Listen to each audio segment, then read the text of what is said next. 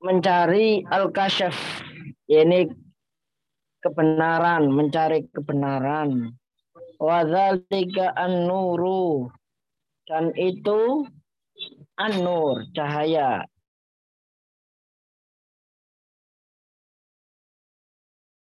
Al-ilhi uh, memancar karu dari karunia Tuhan di ba'dil ahayini di sebagian waktu wa yajibu tarsudu lahu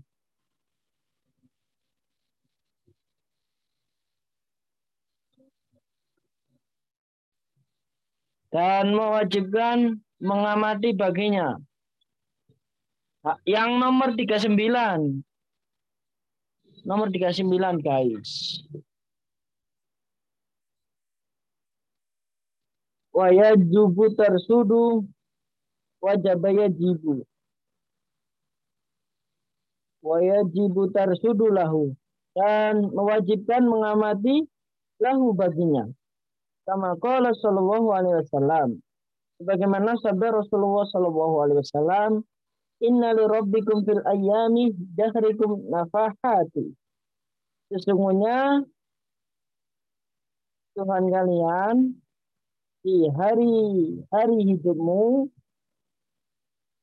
menurunkan karu, kar, menurunkan karunia-Nya, karunia-karunia. Allah fata'ri fata'ridulaha. Maka tidakkah kamu berusaha mendapatkannya? Wal maksudu dan maksud min hadil hikayati dari hikayah. Dari catatan ini, anta lama bahasanya lama mengetahui kamalul jaddi kesempurnaan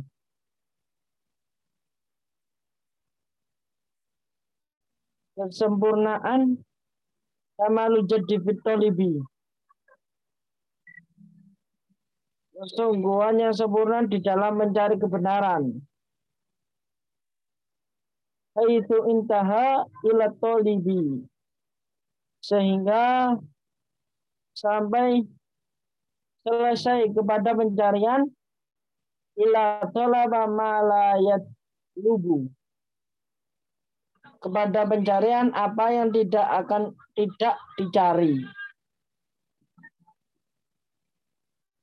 fa innal awliya fa inna awliyata laisat fa innal awliyata maka sesungguhnya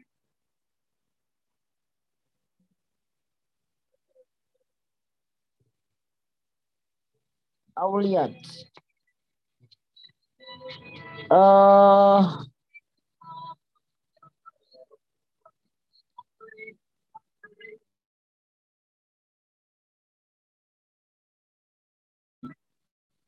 yang aksiomatik laisat badan. Bukanlah sesuatu yang dicari. Fa innaha maka sesungguhnya ia hadaratan uh, yang hadir yang sudah hadir. Wal hadiru ida talaba dan sedangkan hadir apabila dicari fakot waktafa maka sungguh waktafa uh, sungguh ia akan hilang atau pergi atau menjadi kabur. Waman talaba mala yatlubu dan barang siapa yang mencari sesuatu apa yang tidak perlu dicari. Fala tahimu bitaksiri. Maka ia tidak bisa uh, didakwa sebagai ditaksir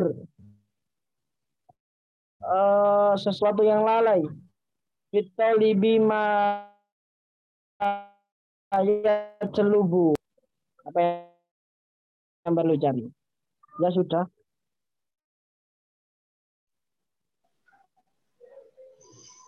Selanjutnya silahkan Afan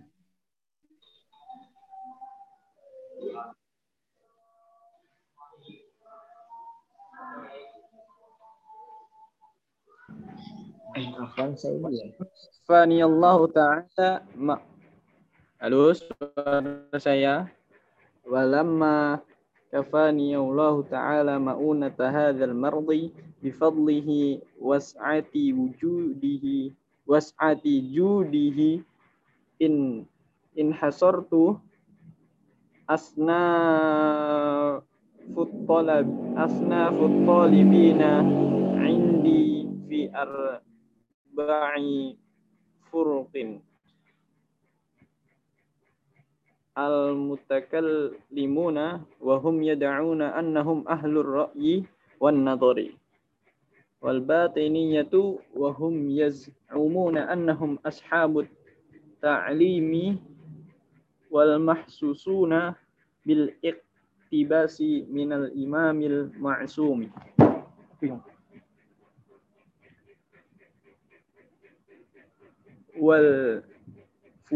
والفلاسفة وهم يزعمون أنهم أهل المنطق والبرهان.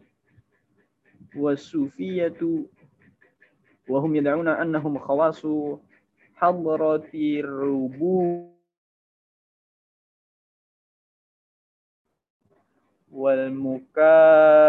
والمكاشفة. Tentang macam-macam orang pencari kebenaran. Ketika Allah Subhanahu wa taala dengan keutamaan dan luasnya karunia-Nya telah menyembuhkan dari penyakit saya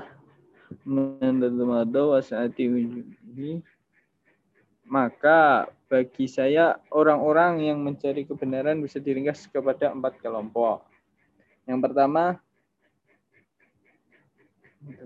orang-orang yang menguasai ilmu kalam.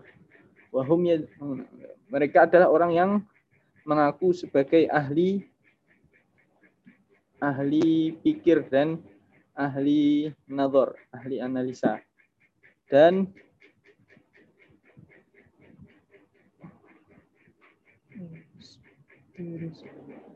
dan kaum esoterisme.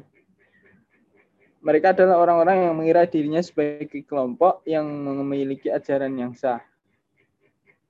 Terkhusus pada dan diberi kekhususan mengambil kebenaran dari seorang imam yang maksum, yang dijaga dari perbuatan salah.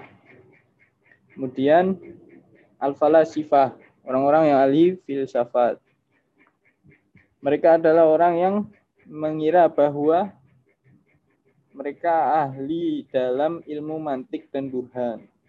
Dalam logika, pakar logika dan burhani argumentatif, demonstratif. Kemudian yang terakhir, sufi itu kaum-kaum mereka adalah orang sufi. Mereka adalah orang yang mengaku sebagai orang yang khusus dalam mendekatkan diri kepada Tuhan serta ahli dalam musyahadah dan mukasyafah musyahadah mukasyafah. Yuk lanjut. Selanjutnya fakultu fi nafsi maka berkatalah saya pada diri saya sendiri al haqqu la al haqqu la ya'du hadhihi al asnafa al arba'ata. Kebenaran itu tidak akan keluar dari empat dari kelompok ini yang empat fahaulai hum asalikuna subula talabil haqqi Uh, adapun mereka adalah orang-orang yang berjalan pada jalan kebenaran, mencari kebenaran, pada jalan mencari kebenaran. Uh, fa in syadzal haqqu anhum dan apabila uh, telah menyimpang kebenaran itu dari mereka, fala yabqa fi zarkil haqqi matma'un. Maka tidak akan tersisa lagi uh, harapan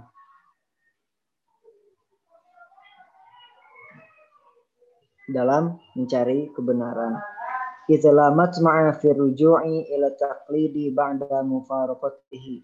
Karena tidak ada eh, harapan lagi untuk kembali kepada taklid setelah berpisah dengannya.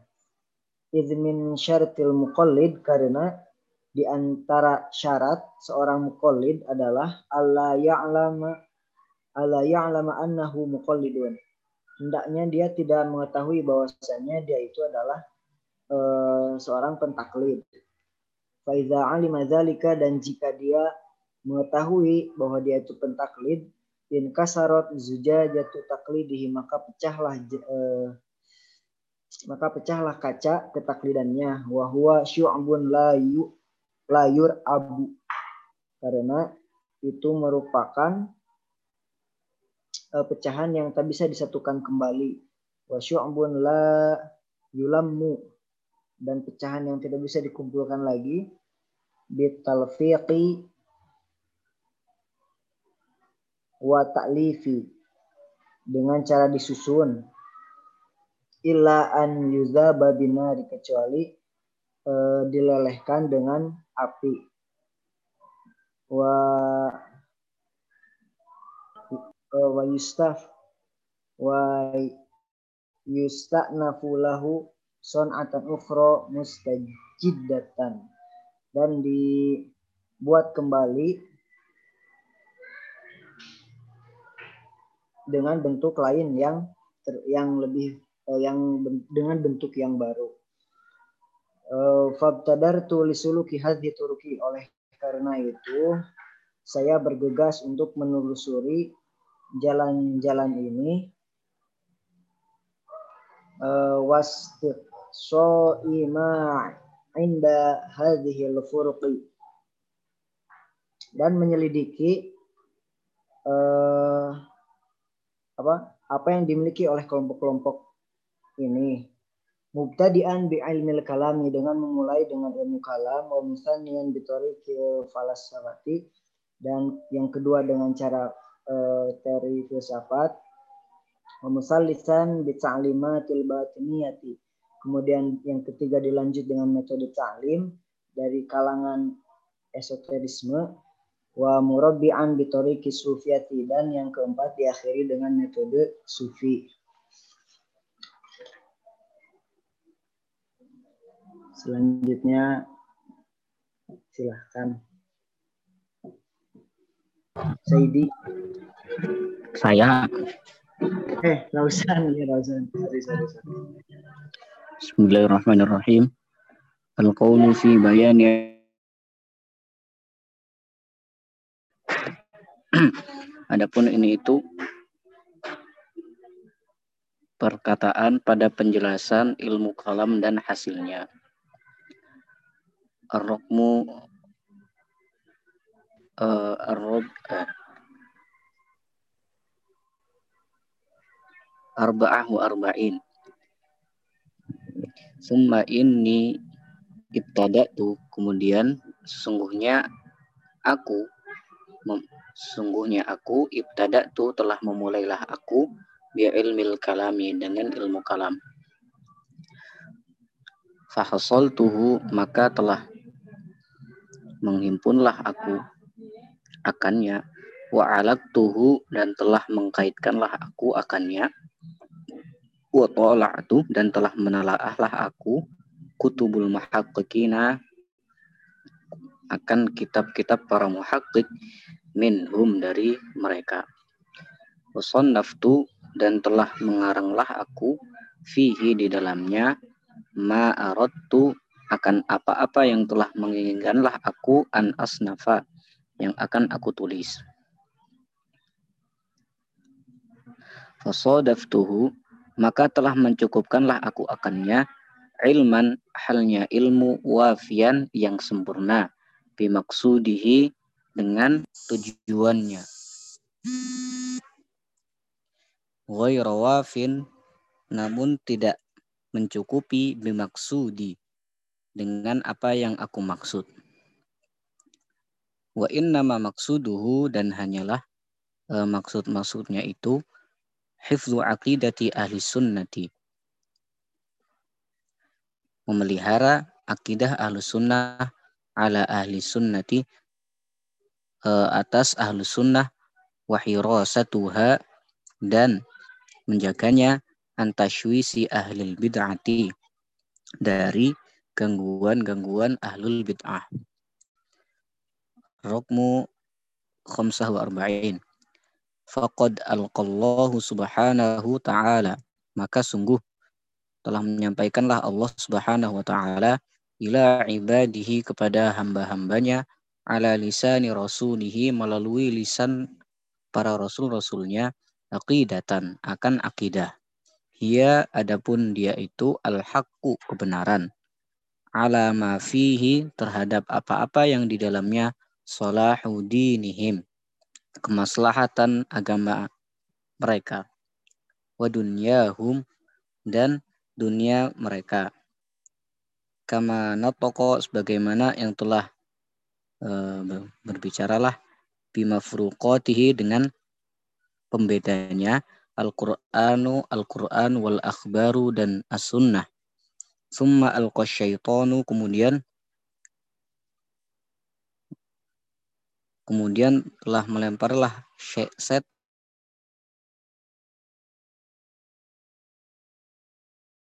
perkara eh, eh pada gangguan-gangguan ahlul bid'ah.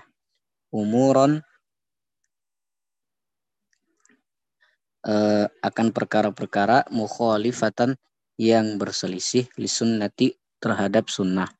Falahaju biha maka menggemarilah mereka akannya wakadu dan hampir-hampirlah mereka wishawishuna Eh, mengganggulah mereka aqidatal haqqi akan akidah yang benar ala ahliha terhadap kepada uh, terhadap penganutnya. Ya, kemudian selanjutnya Al-Akh Saidi. Uh, Allah Ta'ala maka menghendakilah Allah Ta'ala ta'ifatal mutakalimaini uh, akan uh, ahli kalam. Wa haraka dawaihim dan menggerakkan motivasi mereka linasratis sunnati untuk menolong uh, sunnah. Uh, bikalami murattabin dengan uh, kalam yang uh, tertib atau sistematis sistematis. Uh, yakshifu uh, menyingkaplah an talbisati uh, dari kesesatan-kesesatan ahli uh, ahli bid'ah ahli bid'ah uh, al muhaddatsati uh,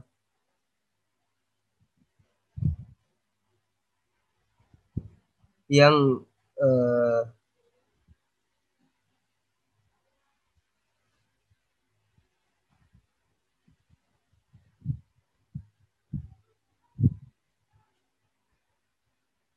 Halo?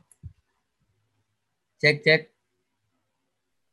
Masuk. Lanjut, lanjut. Uh, ala khilafis sunnati uh, yang bertentangan uh, dengan sunnah uh, al-ma'thurati yang dicontohkan. Faminhu maka darinya uh,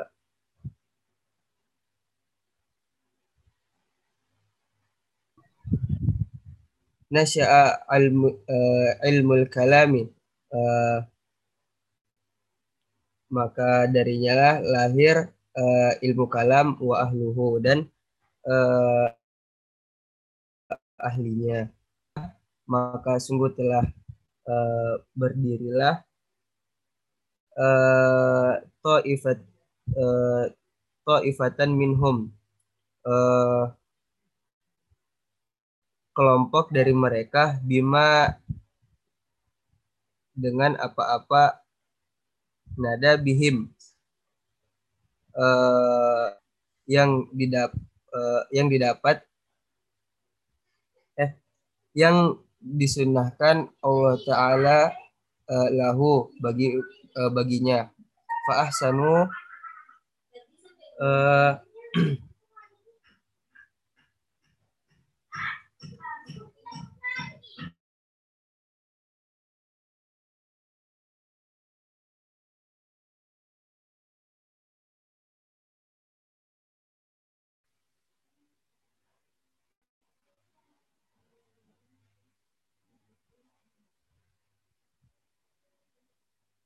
wanidola dan uh, dan berjuang uh, anil akidati uh, untuk akidah al mutalaqqat uh, al mutalaqqati uh, yang didapat uh, bil qabuli dengan penerimaan minan nubuwati dari para nabi. Uh, wattago biro uh, uh, dan menangkal fi wajhi ma ahdatha uh, minal bid'ati.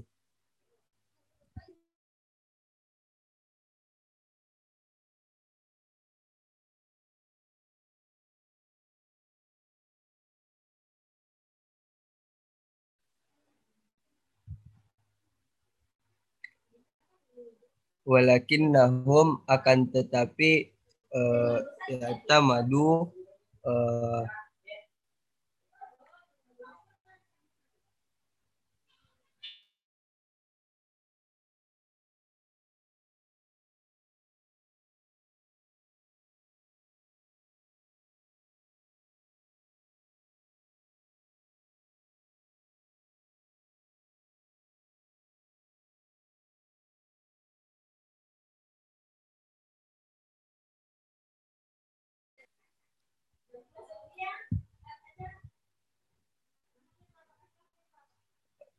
imma imma taklidi uh, baik secara taklid uh, au ijma'il ummati atau uh, ijma' um, uh, umat au mujarridul qabuli atau sekedar uh, menerima uh, minal qur'ani wal akhbari uh, dari uh, Al-Quran dan Sunnah.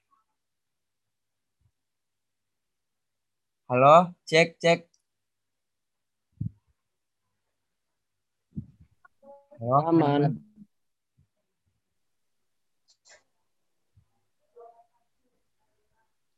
Sekian dari kami.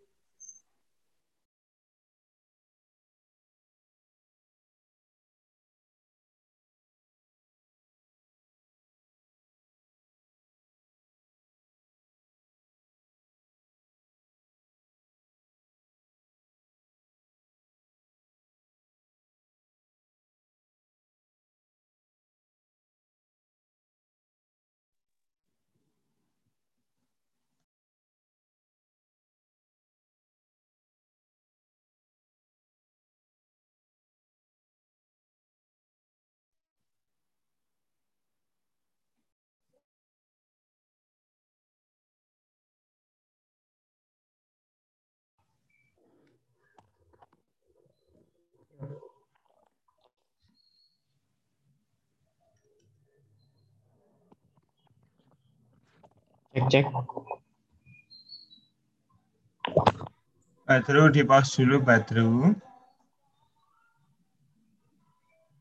Kebanyakan tenggelamnya mereka fi istihroji fi istihroji munaqadatil husumi dalam konteks pembongkaran ketidakkonsistenan atau tidak ketetapan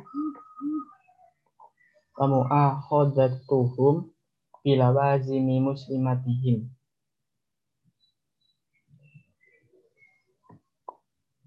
serta pengambilan dan adapun pengambilan mereka terhadap konsekuensi-konsekuensi dalil musuh.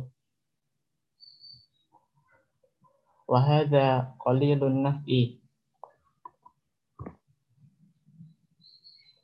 Dan yang demikian ini itu manfaatnya sedikit. Haqqi man man la yuslimu wa daruriyati. Bagi orang yang tidak percaya kepada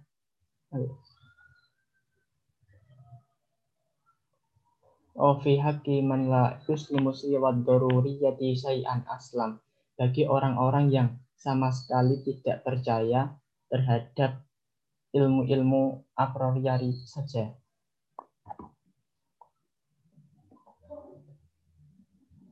Falam yakun al kalamu fi hakiyin kafian.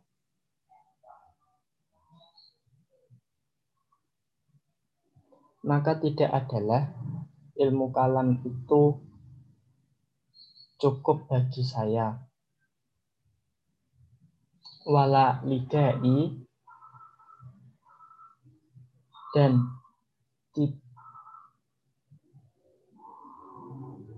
dan tidak bagi penyakit saya alladzi yang kuntu adalah aku adalah aku askuhu dan yang apa itu yang mengeluhkanlah aku akan penyakit tersebut safian sebagai penyembuh.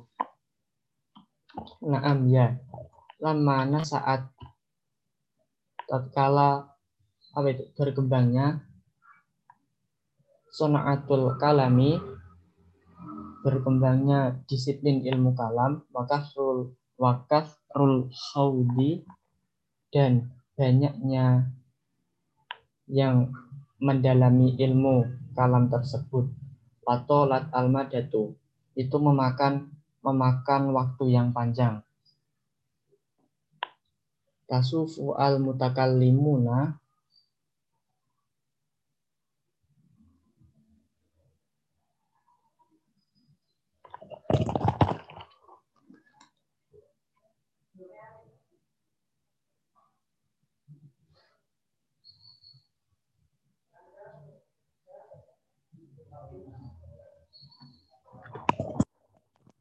Halo.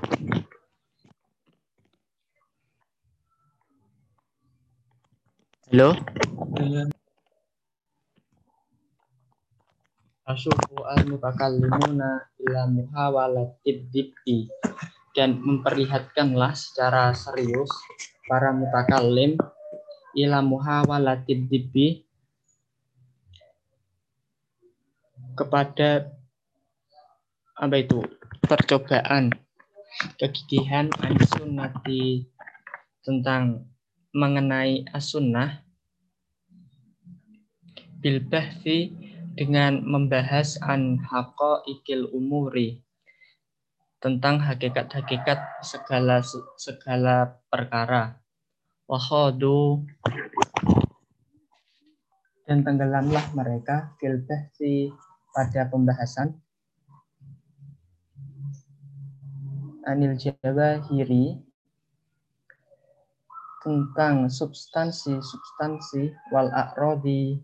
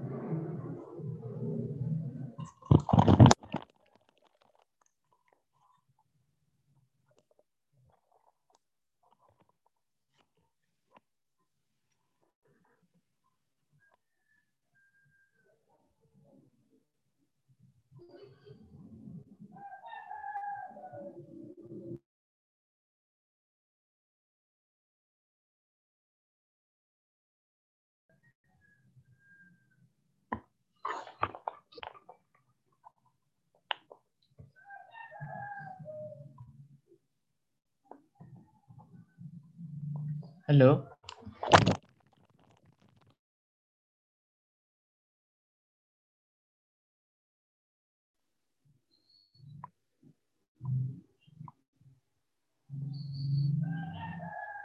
Halo? Ya, ya.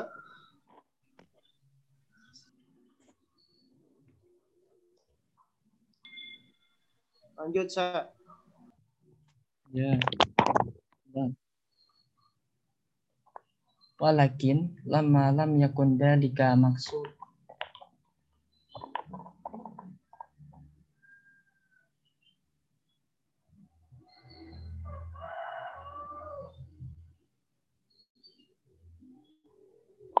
walakin walakin lama lam yakun dalika maksudu ilmi.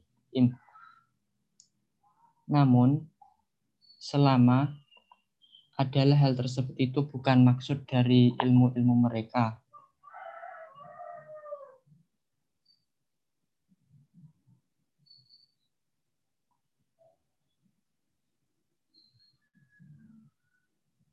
Lam yablugh kalamuhum fihi al-ghayatul quswa.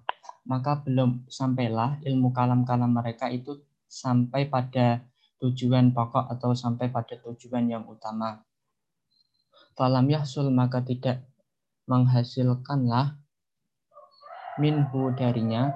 Mayam haku yang apa itu? Yang memusnahkanlah ia bi kulliyati dulmatin al khairati apa itu? Dengan dengan memusnahkan dengan seluruh kegelapan atau ke, keburukan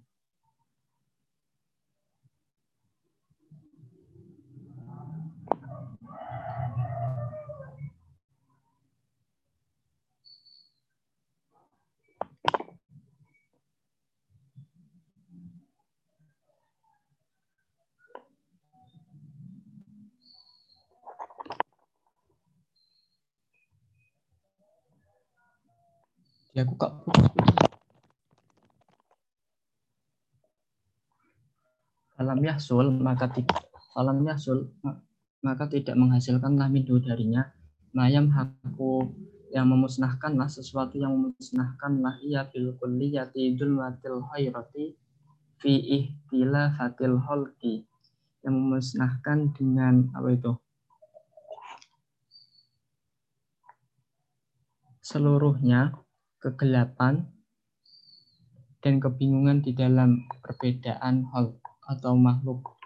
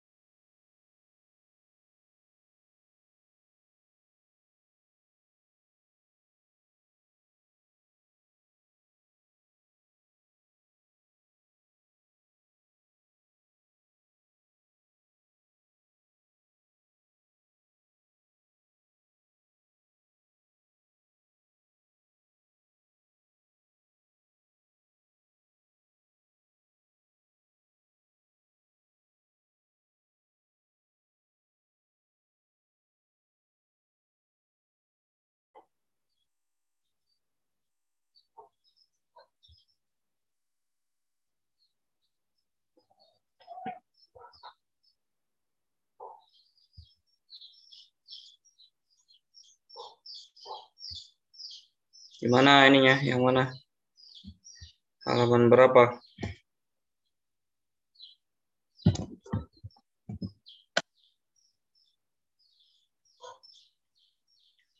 Ayo silakan. Mulai dari mana tadi dibaca? Halo.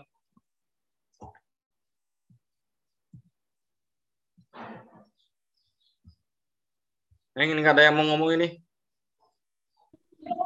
Yang ini Ustaz. Wah, wah. Eh, yang 39. Lawan Dalika. Kelihatan belum yang saya share ini? Belum.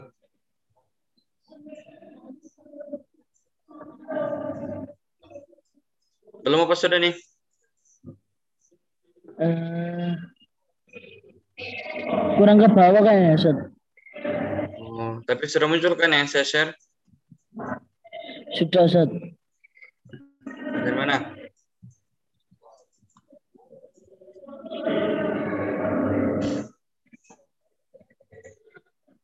Dari mana? Dari mana? Eh,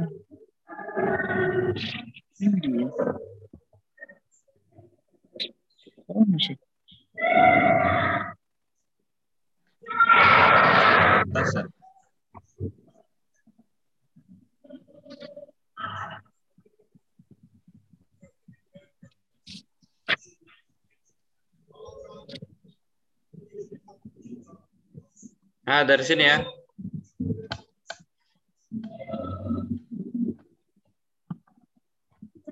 Zalikan Nur kan dari sini kemarin. Siapa tadi yang baca bagian sini? Saya Ustaz. Kalian, kalian kalian baca dari yang mana? Dari yang mana tadi baca? Eh, yang paman dalika nuru yang bahagia Oh,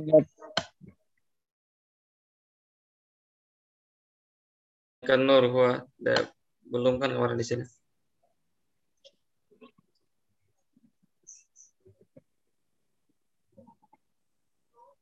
Ya. Dan itu cahaya yang Apa? Tadi kan sudah dibaca katanya ya. Apa maksudnya? ya ini? maksudnya eh, cahaya itu dari Allah Ustaz.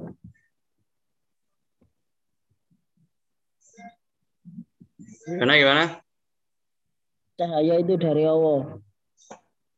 Dan manusia itu diciptakan dari kegelapan. Dan percikan cahaya itu dari Allah. Dari mana itu? Dari sini Fawan Zonna coba ini.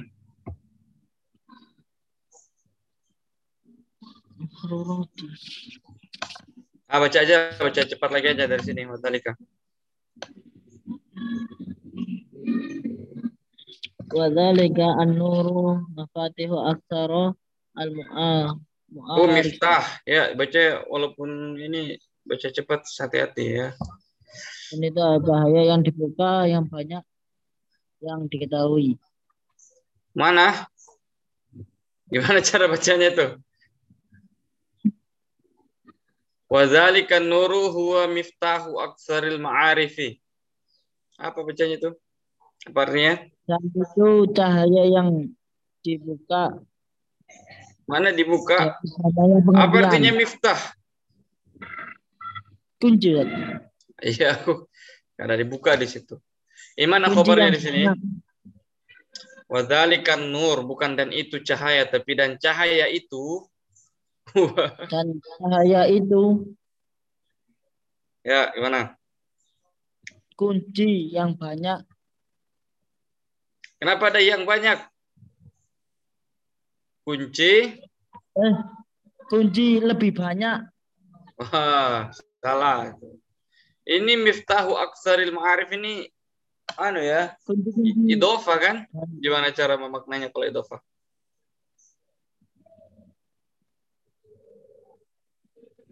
banyak kunci Ustaz.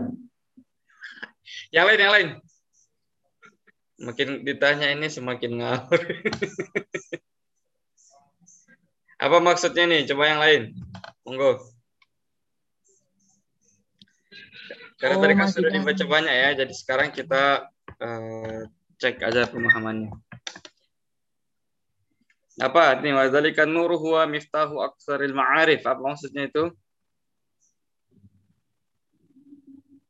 Ayo siapa ini? Muhammad Akmal. Apa maksudnya itu? Ya, apa maksudnya itu?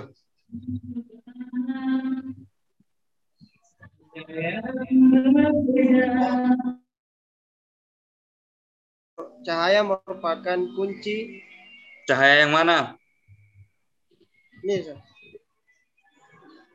Apa maksudnya cahaya yang mana gitu? Kata cahaya itu kan nakiroh itu ya. Kalau mau dibahas Indonesia kan itu cahaya tersebut. Ah, berarti cahaya tersebut ya. Bukan cahaya sembarangan. Ya, ayo lanjut. Ini sebenarnya sedang membicarakan cahaya yang mana ini? Mana tadi kok hilang terus? Si Akmal mana? Hilang. Ustaz, Ah, yang lain. Ini lagi membicarakan cahaya apa sih ini ya? Wadalikan nur dan cahaya tersebut huwa dialah itu miftahu aksaril ma'arifi. Kunci bagi banyak pengetahuan. Bukan kunci yang banyak ya, ini kan miftahu aksaril ma'arif. Jadi idhofah ini. Kunci bagi ya, babul fasli, pintunya kelas. Jadi eh, ketika menerjemahkan itu kalau tidak diperhatikan posisi kata itu terjemahnya juga jadi salah ya. Wadhalikan nuru dan itulah cahaya atau cahaya itulah huwa yang dia itu miftahu aksaril ma'arifi adalah kunci dari banyakan pengetahuan. Nah, ini membicarakan cahaya yang mana ini maksudnya? Ayo, Cahaya Allah. cahaya Allah yang mana itu yang maksudnya? Kebenaran Ustaz. Hah? Gimana? Pengetahuan. Ya, dijelaskan lagi gimana? Coba menjawabnya jangan cuma dua-dua kata gitu. Nggak apa-apa kalau kalian mau jawab panjang-panjang. Cahaya yang mana yang dimaksud di sini? Cahaya yang dari Allah berupa pengetahuan kepada Hmm. hambanya. Hmm. Terus ada lagi nggak penjelasan lagi biar lebih jelas itu ya betul itu cahaya dari Allah kan. Terus yang berupa pengetahuan. Ada penjelasan tambahan lagi nggak supaya ini eh, sesuai atau eh, biar jelas konteksnya di sini ya. Kita sedang berbicara kok cahaya yang mana. Cahaya sesuai dengan rasional. Nah, cahaya yang eh, ini sebenarnya saya sedang mencoba menggali apakah teman-teman masih ingat pembahasan sebelumnya. Ini kan wadhalikan nur ya, ini kan dzalika isim isyarah kan. Berarti an-nur menunjuk kepada suatu hal yang sudah ma'rifah. Ma'rifah itu maksudnya dalam teks adalah sesuatu yang diketahui oleh penulis dan pembaca. Nah, artinya kan kalian sudah ngerti yang dimaksud oleh Imam Al-Ghazali sebagai Nah, ayat An-Nur yang mana yang dimaksud di sini dalam konteks kitab Min- Munkis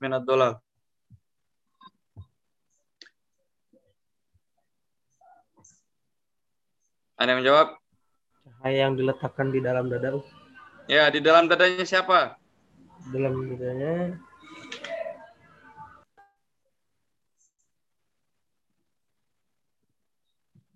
Dadanya Imam Al-Ghazali setelah pencerahan beliau yang panjang. Nah, itu maksud saya ya. Jadi kalau kalian kalau baca kitab itu pikirannya jangan keputus ya. Harus ingat terus kemarin nyampe di mana ini ceritanya. Nah, kalau begitu nanti kalian ya begitulah. Baca lupa lagi, baca lagi. Jadi pengetahuannya itu terputus-putus, tidak nyambung ya. Jadi pembacaan kita sudah beberapa minggu ini tidak membentuk satu cerita utuh di dalam pikiran teman-teman nanti kalau tidak kayak begitu. Ya itulah fungsinya isim ma'rifah sebenarnya dalam teks ya. Kalau dalam bahasa Indonesia kan ma'rifah itu cuma diartikan tersebut. Ya, cahaya tersebut. Nah, maksudnya itu tersebut yang tadi diceritakan itu.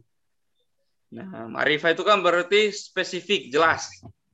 Nah, tadi penjelasan teman-teman itu sudah agak jelas. Misalnya ada yang mengatakan cahaya Allah ya benar cahaya Allah, tapi cahaya Allah yang mana? Ada yang mengatakan yang ditaruh di dalam dada atau dipancarkan ke dalam dada. Dadanya siapa? Itu belum jelas. Nah, baru tadi yang paling jelas adalah siapa tadi itu? Pasti ganteng anaknya. ya bagus ya tadi uh, mungkin yang yang lain juga tahu tapi malu-malu aja ya. Jadi yang dimaksud cahaya di sini adalah cahaya yang dipancarkan ke dalam uh, dada Imam Al-Ghazali sehingga dia bisa mengalahkan atau bisa meng overcome gitu ya, bisa melewati masa-masa kritisnya, masa-masa keraguannya. Uh, dan cahaya seperti itulah sebenarnya yang Eh, memancar ke dalam dada setiap orang. Begitu mereka sampai kepada momen pengetahuan. Ya. Misalnya ada yang sudah lama meneliti sesuatu gitu nggak nyampe-nyampe kesimpulannya gitu tiba-tiba kling gitu ya kalau misalnya di film kartun itu ada muncul lampu gitu kan nah, ya sebenarnya nggak tahu kok bisa lampu gitu ya apa simbol kalau tiba-tiba sering muncul idenya seperti itu secara intuitif itu kan. Meskipun sebelumnya memang ada usaha dari manusia tapi sebenarnya yang paling uh, yang yang akhirnya membuka gitu ya adalah Allah Subhanahu wa taala. Yang kemarin sudah saya sampaikan ke teman-teman kan suruh baca gitu tentang konsep ilmu sebagai nur. Nah wadalikan nur di sini ya merujuk kepada uh, itu ya huwa miftahu aktsaril ma'arif. Jadi nur itu cahaya itu yang cahaya yang seperti itu, ah, ini memang Imam Ghazali bercerita tentang pengalamannya dia sendiri, tapi sebenarnya hal itu adalah pengalaman yang dialami oleh ah, mungkin dialami oleh orang lain, bukan hanya oleh Imam Al-Ghazali, bahkan oleh teman-teman sendiri. Ah, dan itulah yang menjadi kadarnya berbeda-beda gitu ya. Mungkin cahaya bagi teman-teman yang cuma nemu nemu kabarnya khobar dari sebuah kata gitu kan. Baca mubtada'nya ini khobarnya mana? Cari cari cari cari cari. Dapat ya gitu. Paling segitulah levelnya. Tapi kalau uh, orang yang uh, membersihkan hatinya gitu ya ya bisa terbuka hal-hal yang uh, lebih luas gitu. uh, karena tadi sudah dibaca ya jadi saya langsung jelasin aja. Faman zanna annal kashfa mauqufun al adillati al muharrarati faqad dayyaqa rahmatallahi taala al-wasi'ah. Ya, jadi ini ya. Faman dhanna jadi siapa yang mengira annal kashfa bahwa kasyaf dibukanya pengetahuan itu ya itu yang saya mengatakan misalnya dalam kartun itu tiba-tiba ting gitu ya eh, proses sampainya kita kepada sebuah pengetahuan itu ya mauqufun al adillati al muharrarati itu tergantung di atas dalil-dalil atau argumen-argumen yang al muharrar yang dibentangkan gitu. Nah, kemarin kita sudah kasih contoh misalnya eh, kata Imam Al Ghazali sebelum dia menyadari cahaya seperti ini kan Imam Al Ghazali berpikir itu untuk mem, uh, untuk menegakkan sebuah argumen kita butuh adillah kan. Misalnya kemarin uh, untuk menyimpulkan bahwa uh, si siapa ini Ahmad Rizki itu uh, uh, ganteng, ya kita butuh adillah. Maka kita menciptakan argumen dari dua uh, apa namanya uh, premis gitu ya. Semua anak PUTM itu ganteng sekali yang cowok. Ahmad Rizki adalah anak PUTM cowok. Maka Ahmad Rizki ganteng gitu ya. Nah, semua manusia mati, Sokrates manusia, Sokrates pasti mati. Gitu biasanya pakai itu. Nah, eh, awalnya Mal Ghazali menyangka itu pengetahuan didapatkan melalui cara seperti itu, gitu ya, dengan Adilah al-Muharrarah dengan membentangkan premis-premis seperti itu, ya, atau dengan mengamati gitu, mengamati terus membuat teoritisasi. Iya, itu memang bagian dari proses menuju pengetahuan. Tapi kalau ada yang menyangka bahwa pengetahuan itu hanya dicapai dengan cara seperti itu, maka dia itu faqad dayyaka rahmatallahi alwasi'ati. Ya, alwasi'ata ya. Maka dia telah menyempitkan rahmat Allah taala yang luas. Maksudnya adalah rahmat Allah ini adalah kesempatan untuk mengetahui. Ya, jadi barang siapa menyangka kita hanya bisa mengetahui melalui uh, reason melalui premis-premis seperti tadi atau melalui eh, pengamatan empirik lalu dari pengamatan empirik itu dibuat kesimpulan, ya itu memang bisa membawa kita kepada pengetahuan gitu ya, tidak disangkal. Gitu. Tapi bagi barang siapa yang menganggap pengetahuan itu hanya bisa didapat dengan cara seperti itu, maka kata Imam Al-Ghazali dia telah menyempitkan rahmat Allah yang luas. Artinya apa? Ada cara Nah, yaitu cara secara langsung. Ah, yang uh, kasyaf secara langsung melalui cahaya dari Allah. Secara intuitif. Dalam level yang lebih tinggi, itulah yang biasa disebut sebagai ilmu laduni. Ya. Laduni itu sebenarnya diambil dari kata-kata di surah Al-Kahfi itu loh. Wa'atena min ladun karahmah. Uh, apa itu? Apa di surah Al-Kahfi itu? Ladaihim Ustaz yang Nabi Khidir itu Ustaz. Ah, yang Nabi Khidir, Nabi Khidir gimana kata-katanya? Yang meladun karahmat itu yang ayat sebelum kafinya ya. Nah, kalau Nabi Khidir gimana itu?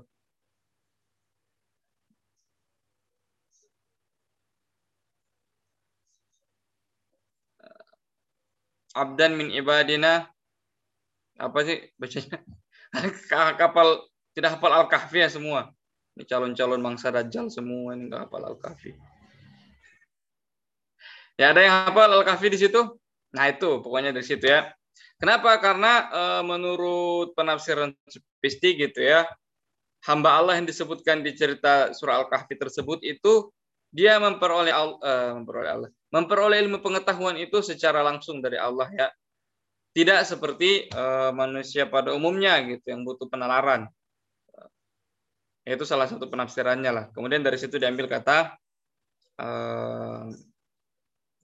miladun gitu ya. Laduni. Ada yang sudah ingat itu ayatnya? Saya lupa awalnya. Misalnya kok lupa awalnya jadi nggak tahu ayatnya. Fawaj Fawajada abdan Ustaz. Ya itu. Gimana? Lanjutannya? Fawajada عبدا ya. من عبادنا آتيناه رحمة من عبادنا وعلمناه من لدنا علما Nah itu ya. Ayat 65 Ustaz. Ah betul dari kanan kata, atas. Dari kata wa'allamnahu min ladunna ilma itu ya. Min ladunna langsung dari kami ya. Ah, laduni berarti ya, ilmu yang langsung. Nah, itu salah satunya ya. Uh, tapi eh, bukan melulu maksudnya itu betul-betul hanya merujuk ke situ. Karena sebenarnya ilmu pengetahuan yang kita peroleh melalui premis itu tadi melalui pengamatan melalui usaha-usaha gitu belajar usaha belajar yang normal gitu. Itu juga kita sampai kepada ilmu yang bermakna itu hanya setelah Allah Subhanahu wa taala membukakan ya. Makanya setiap kita belajar warzukna fahman gitu ya. Karena fahman itu adalah pemahaman itu adalah salah satu bentuk rezeki Allah itu tadi. Nah, dan itu bisa diperoleh eh, kata Imam Ghazali bisa diperoleh bukan hanya melalui eh, al-adil al-muharrarah gitu ya, cara-cara eh, dalil-dalil atau argumen-argumen yang dibentangkan seperti tapi juga diperoleh juga melalui nurullah yang langsung dipancarkan ke dalam hati eh, seorang hambanya itu yang dikehendaki. Eh, walamma su'ila Rasulullah sallallahu alaihi wasallam an syarh ma'nahu fi qoulihi ta'ala faman yuridillahu ay yahdihi yashrah sadrahu lil Islam. Ah, ketika Nabi Muhammad sallallahu alaihi wasallam ditanya tentang makna syarh ya melapangkan dada gitu ya dalam uh, firman fama yuridullahu ayyah dihi yashrah sadrahu lil Islam itu dikatakan yang nggak tahu ini uh, takhrij hadisnya nanti dibawa ya. Huwa nurun yaghdifullahu taala ilal qalb. Ya, jadi yang dimaksud dengan yashrah sadrahu lil Islam itu adalah cahaya yang dipancarkan oleh Allah Subhanahu wa taala uh, ke dalam hati orang tersebut ya. Jadi di sini Imam Al-Ghazali memberikan dalil ya bagi uh, uh, uh, ini eh, bagi epistemologi irfani ya atau epistemologi cahaya itu tadi kalau kita nggak mau pakai istilah-istilah yang sudah ada ya. Jadi di sini Imam Ghazali mengatakan sebenarnya kita bisa menerima gitu ya bahwa ada mode pengetahuan seperti itu bahwa kita bisa mengetahui langsung melalui cahaya dari Allah Subhanahu wa taala. Atau dalam proses mengetahui itu sebenarnya pada akhirnya kita bisa sampai kepada tahu gitu ya, sling, paham gitu setelah datangnya cahaya dari Allah Subhanahu wa taala, bukan murni uh, kekuatan kita. Ini sebenarnya sangat erat juga kaitannya dengan akidah Asy'ariyah gitu ya, akidah Ahlussunnah Jamaah lah secara umum uh, tentang kemahakuasaan Allah gitu ya. Uh, tidak ada yang terjadi tanpa uh, kekuasaan Allah gitu. Bahkan manusia mengetahui itu melalui proses kekuasaan Allah gitu. Dan rahmatnya itu adalah bentuk dari kasih sayang Allah. Nah, makanya di sini kemudian Al-Ghazali ngasih dalil. Dia bilang ada dalilnya sebenarnya saya berkata seperti ini gitu ya, yaitu hadis tersebut itu tadi ketika Nabi Muhammad SAW ditanya tentang mana syar dalam ya syarah sadrahu lil Islam itu beliau mengatakan huwa nuru huwa nurun yaqdifuhu Allah taala fil qalb. Jadi ini maksud ya syarah sadrahu itu adalah cahaya yang dipancarkan oleh Allah Subhanahu wa taala dalam hati uh, hambanya gitu ya. Terus wafakila lalu Nabi Muhammad ditanya lagi wa alamatuhu? Apa tandanya? Kalau cahaya itu sudah dipancarkan ke dalam hati seseorang fakala apa ini? At-tajafi an daril ghururi wal inabati ila daril khuludi. Ya jadi orang itu sudah tidak terlalu tertipu oleh darul gurur apa darul gurur itu kira-kira?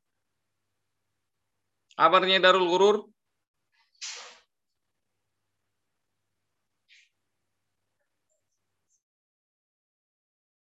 Muhammad Akmal lagi karena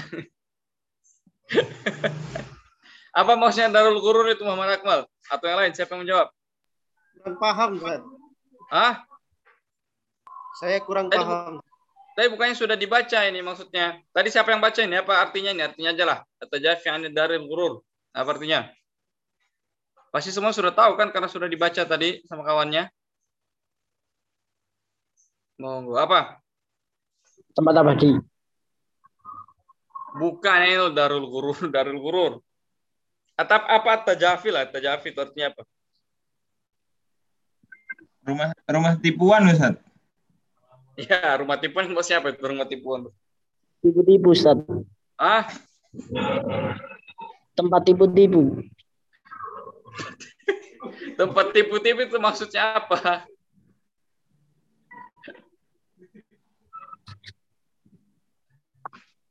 Ini dulu deh. Apa apa apa Darul Khuludi itu kira-kira? Rumah impian bukan Ustaz. Hah? Rumah impian. Ya rumah impian, aku mau bikin rumah gitu. Jadi ciri-ciri orang itu sudah mendapatkan cahaya pengetahuan dalam hatinya tuh dia atajafi anid daril gururi wal inabat ila daril khuludi.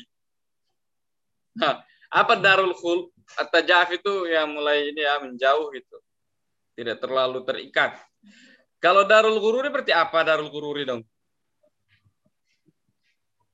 Apa yang dalam Al-Quran biasa disebut sebagai mataul gurur? Dunia Ustaz. Iya, dunia gitu ya. Ini bahasa majas ya. Cahaya juga ini bahasa majas ya. Jangan dikira terus kalau kita mengetahui itu tiba-tiba ada betulan cahaya dari langit gitu terus kena dadak dia. Itu laser dari NASA mungkin kalau ada betulan itu. Cahaya pun di sini ini bahasa majas ya. Darul gurur ya meskipun ini nggak majas nggak majas beneran ya karena emang dunia itu penuh dengan ini Ya, majas adalah darnya itu yang majas ya, rumah tempat. Darul gurur itu kan tempat yang penuh dengan tipu daya, yaitu dunia. Ya, jadi orang tanda ya kan di sini kan wama alamatuhu apa tandanya bahwa seorang itu telah tersentuh hatinya oleh cahaya pengetahuan. Gitu ya. Tandanya adalah dia sudah mulai berhati-hati atau menjauhkan diri dari darul gurur, dari segala satu hal yang sifatnya duniawi, tujuan-tujuan duniawi gitu ya dalam menuntut ilmunya wal inabati ila daril khuludi dan uh, kembali ke darul khulud apa arti darul khulud apa khulud artinya Akhirat Ustaz. abadi gitu ya. Ya rumah yang abadi berarti akhirat ya. Terus wahwa ladzi qala sallallahu alaihi wasallam fihi Nah, cahaya ini juga lah yang disebutkan oleh Nabi Muhammad SAW ketika beliau bersabda, Inna Allah Ta'ala khalaqal khalqa fi zulumatin, thumma rasya alaihim min nurihi. Ya, jadi ada hadis kemudian Allah SWT menciptakan hambanya dalam kegelapan thumma rasya alaihi min nurihi. Kemudian apa rasya ini? Ada yang nemu? Tadi siapa yang baca? Percikan cahaya. Hah? Percikan. Cikan ya, bagus ya. Saya nggak tahu juga tadi rasya ini. Kemudian beliau, uh, beliau Allah swt memercikkan cahaya pada mereka, cahayanya, cahaya Allah swt kan. Pemindalikan nur yang bagi ayut tolab al kashfu al kashfa ya melalui cahaya itulah maka sangat pas, sangat pantas, sangat wajar atau sewajarnya seyogianya eh, al-kashfa itu dicari ya. Al-kashfa itu kan penyingkapan. Nah, nyingkap ini coba kalian bayangkan diri kalian berada di balik sebuah apa itu namanya? Orden gitu ya, kain. Kalian kan nggak ngerti apa yang ada di baliknya kain itu. Ya. Sampai kemudian dikashf dibuka gorden itu, kalian bisa lihat apa yang dibaliknya itu. Itu disebut mengetahui. Nah, maksudnya eh, kenapa digunakan kata kashf? Karena seperti itu ilustrasinya ya. Jadi bahasa Imam Ghazali itu sangat imajinatif. Jadi kalau kalian miskin imajinasi, susah juga memahaminya. uh, kemudian ya saya juga susah juga paham ya. Kita harus Eh, berusaha memaknai. Jadi semakin kita bayangkan secara imajinatif itu semakin jelas maksudnya. Misalnya kata kasyaf itu kan mengungkap, menyingkap. Ya menyingkap itu ya misalnya di balik tirai itu kita nggak ngerti apa di balik situ ya terus dibuka ah, langsung ketahuan kan itu namanya momen kasyaf momen terbukanya tirai wadhalika nur apa ini Yan bajisu minal judil ilahi fi ba'dil apa ini? Ahayin wa yajibu at-tarassud lahu kama qala salam. Inna li rabbikum fi ayyami dahrikum apa ini? Nafahatun ala tata'arradu laha. Ya jadi cahaya itu apa yang bajisu itu ya? Pencar gitu ya minal jud al ilahi. Apa al jud al ilahi? Siapa yang baca tadi nih? Saya ilahi Ustaz. Ah, apa al jud itu? Karunia. Ya, kemaha ya karunia betul ya karunia, kemurahan gitu ya. Jadi cahaya itu adalah eh, cahaya itu muncul dari kemurahan ilahi. Jadi karena Allah Subhanahu wa taala sayang kepada hambanya, maka Allah Subhanahu wa taala menganugerahkan cahaya pengetahuan itu, ya fi ba'dil ahayin. Sewaktu-waktu muncul gitu ya. Wajib at-tarassud lahu. Maka kita harus siap untuk menangkapnya. Ya mungkin perumpamaan yang pas untuk orang-orang modern itu kayak sinyal lah gitu ya. HP. Maka kita sebagai HP ya harus selalu hidup siap sinyalnya. Kalau ada orang yang sepanjang umurnya mode pesawat terus, yang nggak dapat dapat sinyal dia.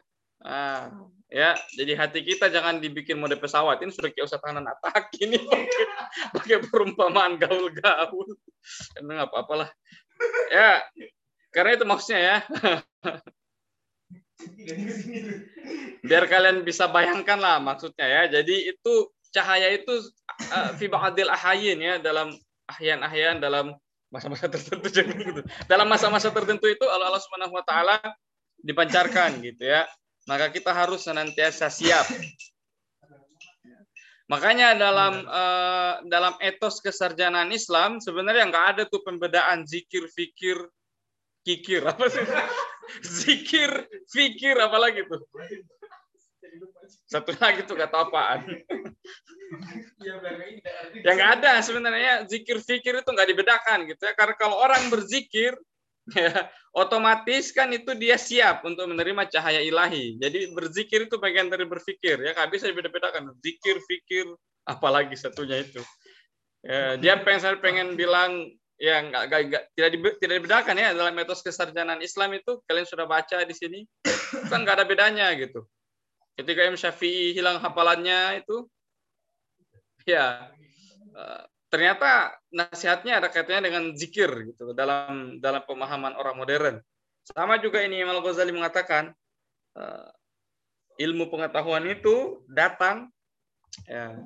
Dan ini semua ilmu pengetahuan ya sebenarnya ya karena semua ilmu kan dari Allah termasuk fisika gitu. Jadi ketika Einstein itu kalian bacalah uh, biografi-biografi ilmuwan ketika mereka berbicara tentang proses penemuan mereka apa pun itu bahkan yang ateis-ateis itu mereka selalu berbicara tentang uh, sebuah apa ya momen gitu. Pas ting gitu. Itu makanya kan dalam film kartun aja ada tuh cahaya lampu muncul. Nah itulah cahaya Allah itu bagi yang dia kehendaki di sini berlaku juga itu uh, rumus-rumus ikhtiar itu kenapa orang kafir yang malah banyak ilmu pengetahuannya orang Islam enggak? Ya karena sama aja kenapa orang Cina kaya kaya ya karena orang Cina berusaha nyari duit. Eh, yang berusaha ada juga orang Cina yang miskin. Ini sebagai stereotip aja ya. Kenapa orang Islam tidak kaya semua kalau dicintai Allah? Karena tidak semua orang Islam nyari duit dengan benar-benar serius gitu ya. Nah, Kenapa kok uh, Bill Gates bisa kaya raya? Karena dia serius banget nyari duit, maka uh, rezekinya Allah juga uh, ya sesuai lah gitu ya. Dan memang ya memang dari awal memang segitulah jatahnya dia. Gitu. Nah, sama juga dengan pengetahuan ini. Ya, tapi terkhusus kalau kita berbicara tentang pengetahuan tentang Allah dan seterusnya mengenal Allah yang berguna Nah ini nih rumusnya ya. Jadi cahaya itu senantiasa dipancarkan oleh Allah Subhanahu wa taala fi ba'dil ahayin ya di di masa-masa tertentu gitu. Maka kita harus senantiasa bersiap. Ini Nabi Muhammad, eh, Nabi Muhammad SAW bersabda ya dalam sebuah hadis yang disampaikan Imam Ghazali ini ada takhrijnya di bawah tuh. Uh, nah, jadi ada hadis ini diriwayatkan oleh Mas Suyuti atau berani ya. Uh, apa itu? Inna rabbikum fi ayyami dahrikum nafahatin. Ala fata'ardu laha ya. Jadi uh, sepanjang usia kita ya fi ayami dahrina ya sepanjang usia kita itu Allah Subhanahu wa taala itu me memancarkan cahaya pengetahuan itu ya. Maka kita harus senantiasa bersiap Nah, bagi para sufi gitu ya, bagi para ulama Islam secara umum lah, bukan cuma sufi doang. Para Muhammadiyah juga termasuk, kalau kalian baca manhaj tarjih itu. Eh, berzikir itu adalah bagian dari usaha mendapat ilmu. Ya, makanya kalian mungkin pernah dengar ulama-ulama, biografi ulama kan kalau mentok mereka apa sholat gitu-gitu. Ya kalau kita mentok ya sudahlah, besok lagi aja lah kayaknya pas besok. Kurang tidur kayaknya terus tidur besoknya masih masih mentok aja dia. Nah kalau kayak Ibnu Sina misalnya kan boleh cerita kan kalau dia sampai pada sebuah persoalan filsafat loh ini ya. Ibnu Sina tuh tidak ngomong masalah agama secara ketat gitu ya, secara strict, secara murni gitu ya. Tapi beliau kan filsuf. Ya, dia ngomong masalah filsafat dan seperti yang sudah kita katakan filsafat pada zaman Ibnu Sina itu mencakup ilmu-ilmu alam. Kalau beliau mentok ya beliau sholat. Nah, Berarti kan fikir zikir itu bukan suatu hal yang dipisah ya. Zikir itu adalah bagian dari proses berpikir. Nah, orang modern ini nggak mau menerima nih, karena dari mana itu? Nah, karena mereka tidak percaya sama begitu begituan. Wal maksudu min hadhil hikayat ayamal apa ini? ayamal kamalul juddi fit talab. Ya, jadi maksud dari hikayat-hikayat itu, maksudnya hikayat ini uh, nah riwayat-riwayat tadi itu ya, ada hadis dan seterusnya sampai pada Imam Ghazali itu supaya kita mengamalkan atau bekerja kamalul juddi fit talabi hatta yantahiya ila talbi ma la yutlab. Ya. supaya orang itu penuntut ilmu itu benar-benar bersungguh-sungguh ya kamalul jud ya bersungguh-sungguh dalam menuntut atau memikirkan ilmu pengetahuan hatta yantahiya ila talbi ma la yutlab. Hingga ia sampai kepada batas yang sudah tidak bisa lagi di uh, dobrak lagi gitu ya. Udah limitnya lah itu. Nah, apa yang dimaksud limit di sini adalah ini ya. Final awaliyat laisat matlubatan. Ya awaliyat itu ubah. Bukan sesuatu yang uh, dirasionalisasi lagi kok bisa gitu ya. Jadi batas dari pertanyaan kok bisa atau kenapa ya. Uh, jadi maksudnya di sini kita harus terus mempertanyakan kenapa begitu kenapa kenapa kenapa kenapa. Tapi kata Imam Ghazali ada juga batas daripada kenapa itu yaitu sampai pada awaliyat. Awaliyat itu laisat matlubatan. Jadi awaliyat itu bukan suatu hal yang harus dipertanyakan. Ya fa innaha hadiratun. Ya awaliyat itu muncul dengan sendirinya wal hadiru idza tuliba faqada waktafa. Ya. Jadi fakoda ini bukan fakad ya, ini fiil ini. Fakoda itu hilang. Jadi sesuatu yang hadir itu kalau dipertanyakan terus malah hilang dia. Waktafa dan semakin samar ya. Wa man talaba ma la yutlab fala yan yattahimu bitaksiri fital bima la ma yutlab ya. Siapa yang masih mempertanyakan hal-hal yang sudah tidak bisa dipertanyakan lagi, fala yuttahamu bitaksiri fitol fit talabi ma yutlab. Uh, maka dia itu ya uh, fala yuttahamu bitaksiri maksudnya dia sudah nggak di ini dia sudah tidak dianggap kurang mempertanyakan lagi ya. Siapa yang sudah nyampe di apa itu namanya hal-hal yang tidak bisa dipertanyakan lagi nah ini Imam Ghazali kan bilang ini sudah kita jelaskan beberapa minggu sebelumnya itu karena beliau masih mempertanyakan hal-hal yang seharusnya sudah tidak dipertanyakan lagi. Hal-hal yang ketika dipertanyakan, semakin dipertanyakan itu malah semakin rabun, ya, semakin rancu. Semakin bukannya semakin jelas, malah semakin tidak jelas. Kata Imam Ghazali, awaliyat itu seperti itu. Awaliyat yang kan kemarin ya. Hal-hal yang eh, kita eh, pikirkan atau hal-hal yang kita ketahui dengan sendirinya. Misalnya, misalnya apa? Uh, mustahil sesuatu itu uh, maju sekaligus mundur misalnya. Ya, itu nggak usah ditanyakan lagi, kok nggak bisa sesuatu waktu maju sekaligus mundur?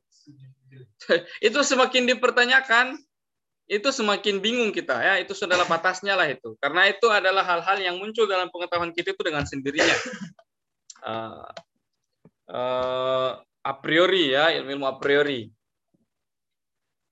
Bola itu bulat. Nah itu bola bulat. Kok bisa bola bulat? Ya kan bola itu ya bulat gitu. Itu adalah pernyataan yang pada diri, pada dirinya sendiri benar maka fungsi pernyataan-pernyataan seperti itu adalah untuk membuat pengetahuan baru. Misalnya bola itu bulat, bumi berbentuk seperti bola. Ya, berarti bumi itu bulat. Ya, jadi bumi itu bulat itu kan uh, butuh inilah. Atau jangan bumi lah, apa kayak gitu. Uh,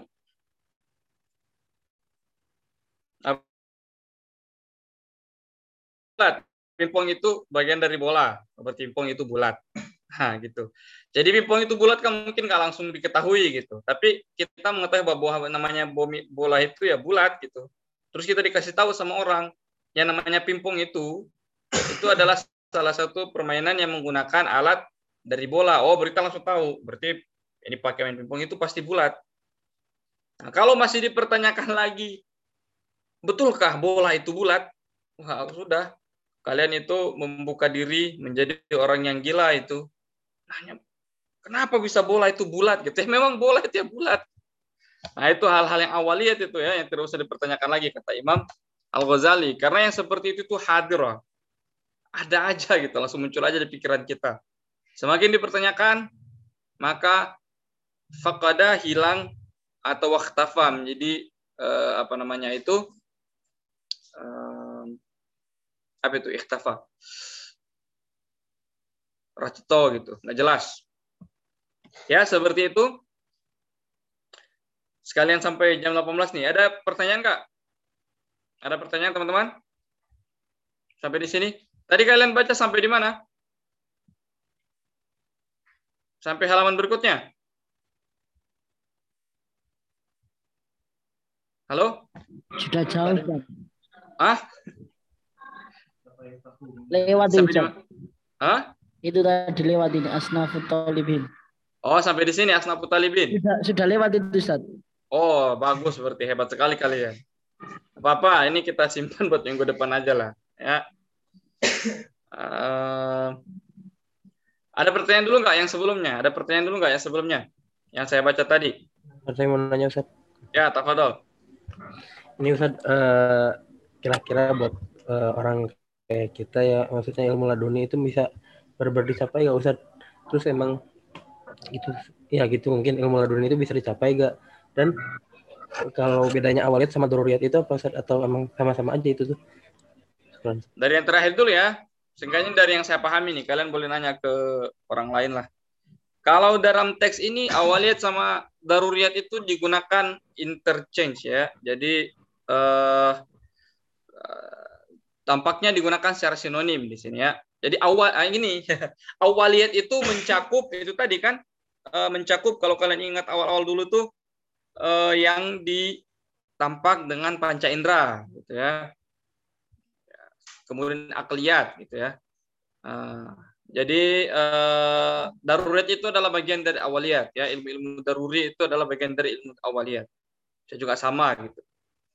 Ya jadi sama aja. Terus yang kedua bisa nggak kita sampai pada ilmu laduni? bisa nggak ya? Ya bisa-bisa aja kalau dibisakan gitu. Maksudnya uh, setiap orang punya potensi ke situ. Jadi ini ya, kenapa Imam Ghazali uh, membahas ini? Kalau kalian baca ada yang beli bukunya Ustadz ini enggak? Kan sepertinya kemarin ada yang punya buku itu loh yang ter... kalau tidak salah penerjemahnya. Beliau kan di situ jelasin ya bahwa al-mungkit minad dolal ini sebenarnya uh, inti argumen yang di dalam adalah argumen tentang kenabian. Mungkin enggak kenabian itu terjadi gitu ya secara rasional dibuktikan. Nah, di sini sebenarnya Imam Ghazali itu uh, membuktikan dengan rasional tadi di atas dia sudah buktikan secara rasional dan secara ada dalilnya gitu pakai ada Al-Qur'an hadis bahwa seseorang itu memang bisa memperoleh dan dan dari pengalaman pribadi gitu bahwa seseorang itu bisa memperoleh pengetahuan atau dibuka eh, hatinya akalnya untuk mengetahui sesuatu itu langsung dari Allah. Nah, nanti dari situ kemudian dia tingkatkan gitu. Kalau manusia biasa saja yang hatinya benar-benar bersih, yang benar-benar disiapkan hatinya, itu bisa mendapatkan cahaya pengetahuan dari Allah, apalagi Nabi. Ya, itu namanya uh, argumen kias aulawi, gitu ya. Itu kan salah satu cara berargumen itu adalah uh, kias aulawi dalam istilah dalam istilah usul fikihnya, dalam istilah uh, dalam istilah umumnya itu a fortiori argumen gitu ya misalnya kayak gini kalau orang kalau saya yang jelek aja bisa dapat istri ya apalagi rezeki yang ganteng gitu ya kayak gitu ya kira-kira jadi kalau manusia biasa saja yang membersihkan hatinya itu bisa dapat cahaya langsung dari Allah apalagi nabi gitu jadi dia pengen ngomong seperti itu sebenarnya intinya maka dia harus uh, membuktikan dulu bahwa yang namanya ilmu laduni, ilmu langsung dari Allah itu mungkin. Ya, karena kalau dia sudah bisa membuktikan itu, maka nanti dia bisa membuktikan bahwa kenabian itu mungkin. Kalau pertanyaannya bisa nggak kita e, mendapat ilmu laduni, misalnya saya seperti ini ya nggak bisa itu. Mustahil saya dalam keadaan kayak begini. Cuma mungkin besok-besok siapa tahu bisa gitu. E, kalau kalian kalau menurut paham kita di Muhammadiyah gitu ya, kalau kalian baca di manhaj tarjih itu, Anda sudah baca belum? Ada sudah baca manhaj tarjih yang saya bilang kemarin di download, dibaca? Ada, ada. Yang sudah baca manhaj tarjih, otomatis A nilainya. Kayaknya nggak ada deh, jadi saya berani kayak gitu. Dewe, Ustaz. Oh, ada yang ngaku. Gimana di situ? Kenapa dia otomatis A? Karena nanti salah satu soalnya tentang ini ya. Jadi kan kemarin kalian ingatlah pasti ya saya menekankan sekali eh, konsep ilmu sebagai cahaya ini. Ya artinya nanti bakal muncul di ujian. Kita ujiannya lisan aja ya bercepat ya. UTS-nya. Kalau UTS lisan kan ini tidak ada waktu mikir. Jadi dan saya juga bisa langsung menilai. Yang sudah baca Manastarji tadi itu coba ceritakan apa yang dia baca, apa yang Anda baca.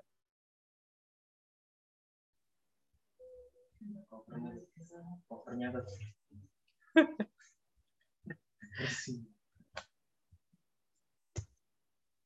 bukan nggak ada Irfani di sini.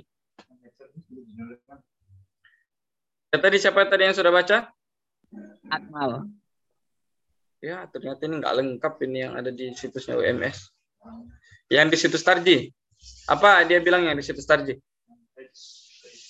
Tentang epistemologi Irfani. Uh, tentang pendekatan Irfani. MG.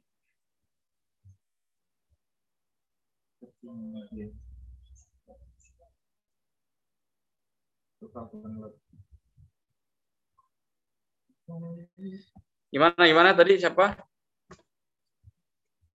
Ya ini ya, jadi apakah kita mungkin dapatkan ilmu laduni? Ya mungkin kalau kita berusaha itu tadi kalau kita lihat penjelasannya Imam Ghazali ya, kalau kita mempersiapkan diri kita ya bisa gitu ya. Tidak ada orang yang dikatakan dijamin sejak awal nggak mungkin bisa dapat ilmu laduni. Ya. Bisa aja kita, yang penting kita siap. Karena pertanyaannya di situ kan, siap tidak. Nah, yang dimaksud siap di situ ya tadi kalau kita baca tadi eh, di situ kan dikatakan ya cahaya Allah itu dipancarkan sewaktu-waktu, maka maka kita harus berusaha me, mempersiapkan diri mendapatkannya. Interpretasi tentang ilmu laduni itu memang macam-macam ya teman-teman. Ada yang betul-betul eh, nganggap itu kayak pengetahuan langsung gitu dan dia bisa apa ada istilah bahasa Jawanya makan itu ya dia langsung tahu sesuatu sebelum suatu hal itu terjadi gitu. Tapi ada juga yang memaknainya secara lebih ini lebih uh, lebih modest gitu. Modest itu kayak lebih berhati-hati lah, lebih tidak gitu-gitu amat. Nah, misalnya siapa? Misalnya Ibnu Khaldun dan Majelis Tarjih. Gitu ya. Kalau Ibnu Khaldun itu ngomongnya gitu. Jadi kalau orang memperbaiki ibadahnya bagus, mendekatkan diri kepada bagus, maka dengan dia dimulai sampai kepada pengetahuan yang benar. Ya, itulah kenapa eh, apa namanya orientalis meskipun jago usul fikih nggak bisa jadi ulama gitu karena nggak dekat dengan Allah. Ngasih fatwa itu tidak dengan tidak ada hidayah, tidak ada hidayah dalam fatwanya karena dia kafir gitu. Nah, sedangkan ulama itu meskipun mungkin ada eh, aspek-aspek dari usul fikih mungkin yang dia pengetahuannya kurang dalam di situ, lebih dalam mentalis yang kafir. Dia bisa kepada uh, fatwa yang mengandung hidayah gitu, mengandung petunjuk di situ. Kenapa? Karena dia seenggaknya dekat kepada Allah. Ya gimana tuh? Saya kok nggak nemu. Ya. Ya, gimana? Lagi enggak?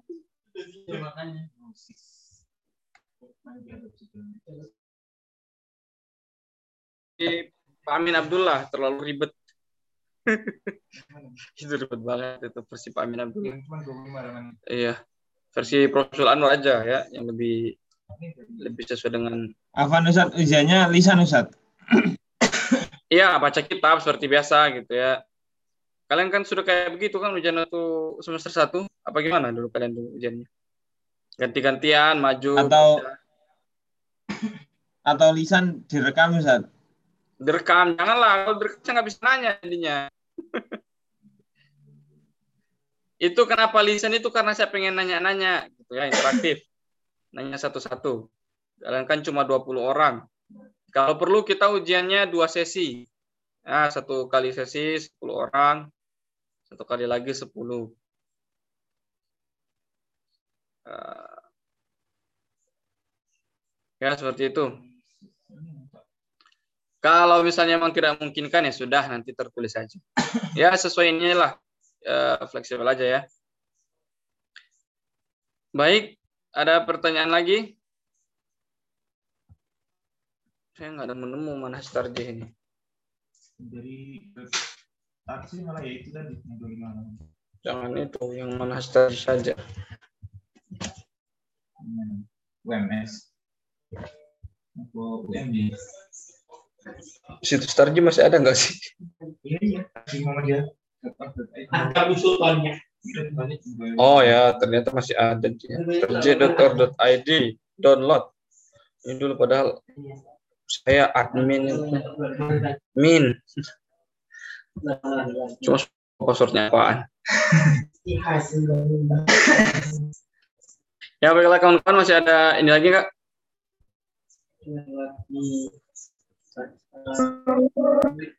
Mungkin cukup saat ya baiklah ya sudah cukup ya ya oh ngirim tuh mas Tarji tuh Oh, ini kayaknya yang itu mas itu enggak itu ketinggalan zaman yang bikin itu itu Manastarji dan pemikiran Islam ya zaman Pak Amin Abdullah itu ya. Sekarang kan sudah tarji dan tarji. Nantilah kita cari sama-sama. Baiklah sekalian siap sholat ya sholat. Eh, baiklah sampai di sini. Eh, Ber- minggu berikutnya kita sudah masuk kepada Imam Al-Ghazali menguji masing-masing kelompok ya minggu minggu lalu kita sudah membahas Imam Al-Ghazali intinya beliau ragu gitu meragukan segalanya sampai kemudian mendapatkan cahaya itu tadi Nah, baiklah marilah kita menutup dengan membaca hamdalah.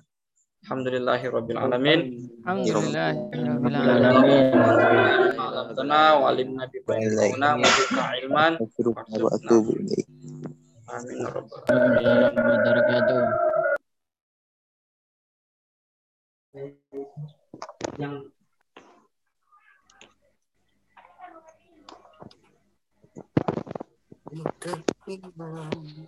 Waalaikumsalam warahmatullahi wabarakatuh. Hidup meminta